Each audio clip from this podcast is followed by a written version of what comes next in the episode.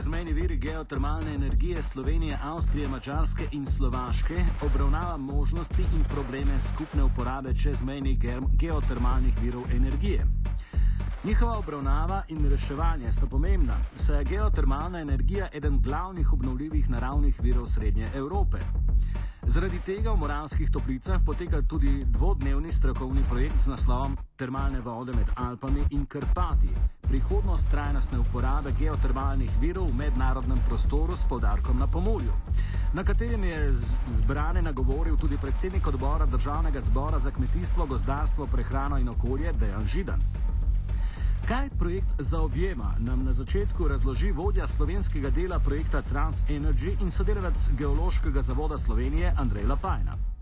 Najprej smo zbrali vse možne dostopne geološke, eh, hidrogeološke, geokemijske podatke o, o, o geotermalnih vodonosnikih na tem celotnem območju, ki obsega ozemlje od eh, recimo slovenskih konic, pa na drugi strani do Karpatov. Ne, eh, veliko je to zemlje 48 tisoč kvadratnih kilometrov, prav več kot za dve Sloveniji.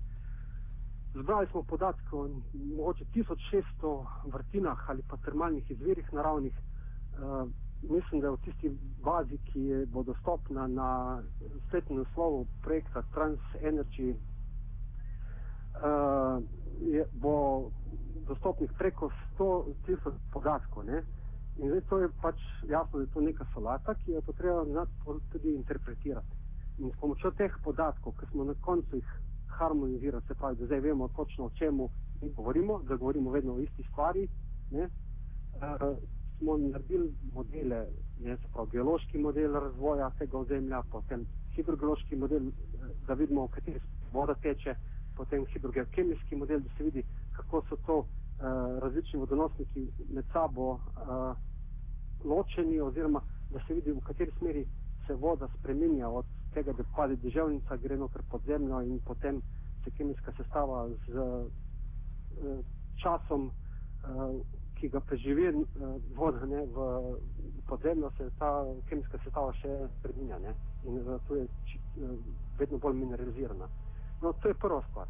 Druga stvar je bila, da smo mi rekli, da ne vemo točno, kako se ta uh, termalna voda v kateri državi eh, eh, izkorišča. Zdaj vidimo pregled rabe, obstoječe rabe geotermalne energije. In smo naredili eh, pregled in smo videli, koliko je vseh teh uporabnikov, kako uporabljajo, na kakšen način, eh, primere dobre prakse. Vse to smo spravili v neko poročilo in nek pregledovalc prostorskih podatkov, tudi dostopen na spletni strani projekta TransEnergy. In tretja stvar, ki pa je, je pa potem so pa že neka območja, ne, kjer pa prihaja do, oziroma so potencijalni spori med dvema različnima državama o rabi termalne vode. Ne, se pravi, da se na eni strani državne meje voda črpa, na drugi strani državne meje pa se nivo te termalne vode znižuje. Ne. In da se te spore čim elegantneje rešijo, morajo strokovnjaki eh, pač pripraviti neke podlage, da se vidi, kdo je zakaj odgovoren potem so pa pač tukaj politiki v okviru stalnih vodnih komisij, bilateralnih, eh, pač to zmenijo in odločijo, kako in kaj bodo s tem upravljali. No? In zdaj v zvezi s tem, da bomo mi te modele eh, z nas naredili, bomo tudi predlagali, kaj bi bilo, bi bilo še za narediti, da bi bilo to upravljanje čim bolj eh, trajnostno, se pravi, da bi čim dalje trajalo. Ne? Uh, da bi izkoriščali čim bolj dalj trajalo, pa da bi bilo upravljanje tako, da bi bilo za vse zadostne.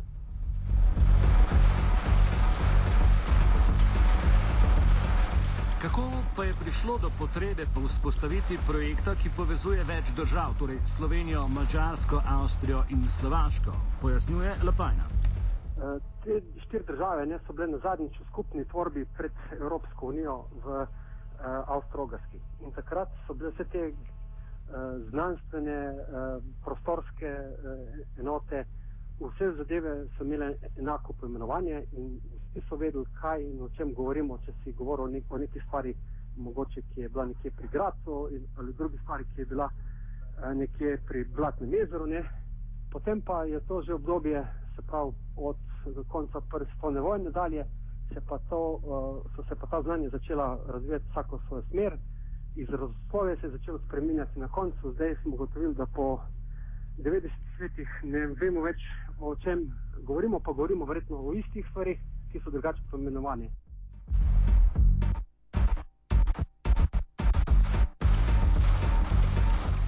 Na današnjem strokovnem posvetu v Moranskih toplicah so se posebej posvetili izkoriščanju geotermalne energije v Pomorju in obetom za prihodnost. O tem je za nas ponovno spregovoril Andrej Lapajna. Tukaj smo se uh, ukvarjali z projektom uh, Transfermal, v katerem geološki zavodi Avstrije, Mačarske, Slovaške in Slovenije preizkujemo, kakšen uh, je geotermalni potencial tega območja, ki ga skupaj delimo v tem zahodnem delu uh, Panonskega bazena. Uh, danes smo tukaj naredili eno tako informativno uh, delavnico, se pa bilo menili na geotermalni potencial Pomorja in pa na rabo geotermalne energije v tem delu Slovenije. Ugotovili smo, da, zdaj, da je v, v Pomorju se približno 50% vse geotermalne energije v Sloveniji porabi, da se pa uporablja mogoče na preveč potratni način, ne? da ni tok, uh, uh, da, se, da je iz, uh, učinkovitost uh, izrabe geotermalne energije malo nizka in da bi morali tudi razmisliti o večjem vračanju vode v vodonosnik. Uh, gotovili smo tudi, da se raba, tudi glede akcijskih načrtov obnovljivih virov energije, ki je bil spet lansko leto ne, za območje cele Slovenije in če ga tega uh, prenesemo na območje Pomorje, da se bo ta raba do leta 2020, da se bo ta akcijski načrt še lahko uh, uh, pač uh, nekako cilji tega akcijskega načrta, da se bodo še lahko dosegli, potem pa je do leta 2030 preskok zelo velik in bodo, bodo te cilje pa že malo teže uresničljivi. Tako da nekako govorimo, da je mogoče do 3,5 krat še povečati energijo, eh, pridobljeno geotermalno energijo na območju Slovenije, to pa predvsem za, eh, eh, za ogrevanje in hlajenje večjih sistemov, ne, pa rastlinjakov oziroma za daljinsko ogrevanje, eh, pa mogoče eh, malo manj za eh, rabo v turizmu, ker je turizem je že dokaj eh, nasičen, ne, Eh, edino bi lahko uh, turizem še uh, razvijali tako, da bi naredili nek uh, turistični center z nekoliko drugačno turistično ponudbo, ne? kar sicer samo ni vezano na rabo geotermalne energije, tok, ampak na uh, ponudbo, ki je ta uh, energija da.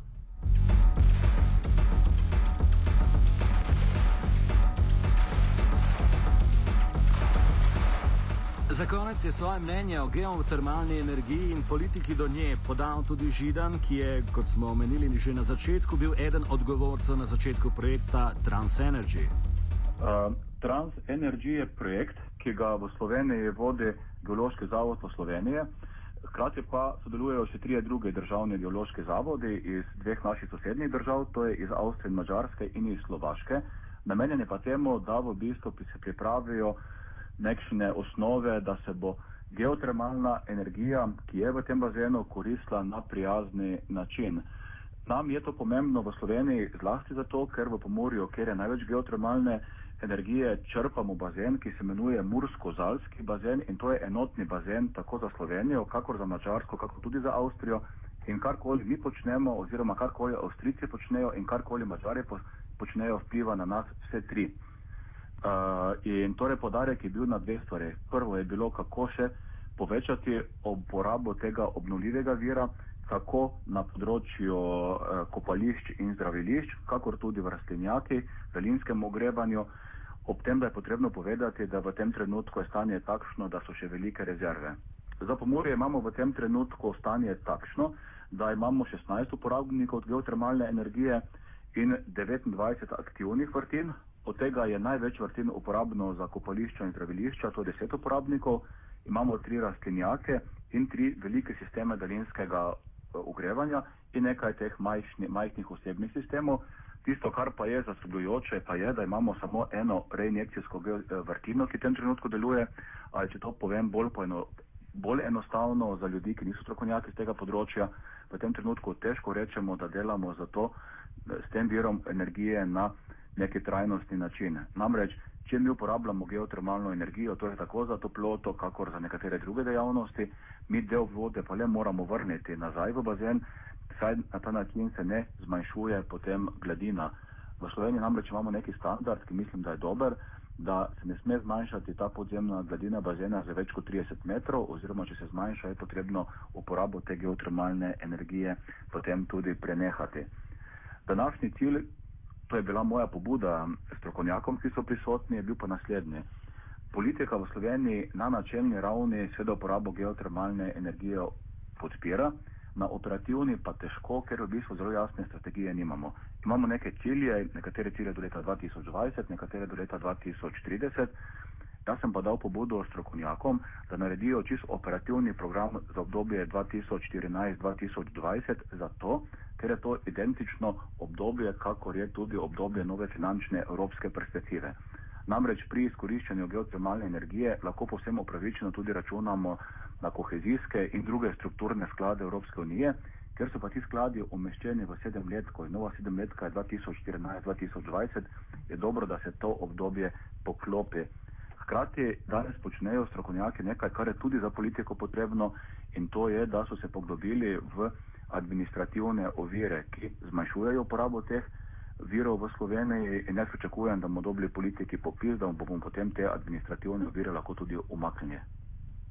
Pa obstajajo do zdaj kakšne pogodbe med državami, ki ležijo v tem bazenu, ki ste jih prej omenili, se pravi sosedne države, kot so Mačarska, Slovaška, Slovenija na tem področju?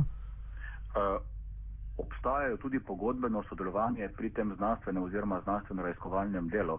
Da bi pa obstajala zaveza o trajnostnem koriščenju recimo Mursko-Zalskega bazena, tega pa nažalost še nimamo, bi pa to bil tudi eden od ciljev. Namreč, če katera od teh držav uporablja ta bazen napačno, bomo škodo nosili ostale dve države. Kakšno je pa bilo zanimanje za sam posvet, kolikor vem, traja še tudi jutri projekt, kakšno je bilo zanimanje do sedaj?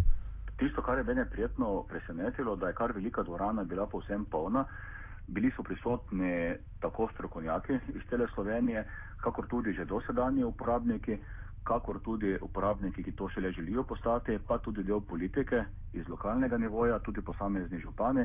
Moram pa reči, da sem bil tudi vesel, da so povabili mene kot predstavnika državnega zbora, ki je pa odgovoren tudi za okolje.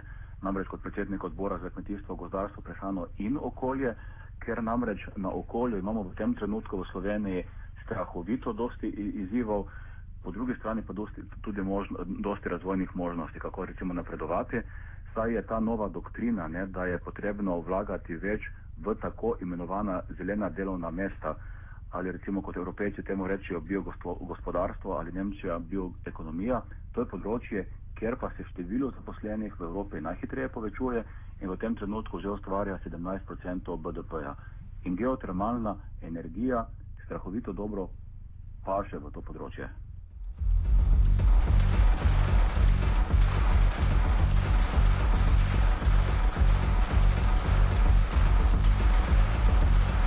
Offside o geotermalni energiji in posvetu glede nje v Pomorju sta pripravila Polona in Urh. Huh?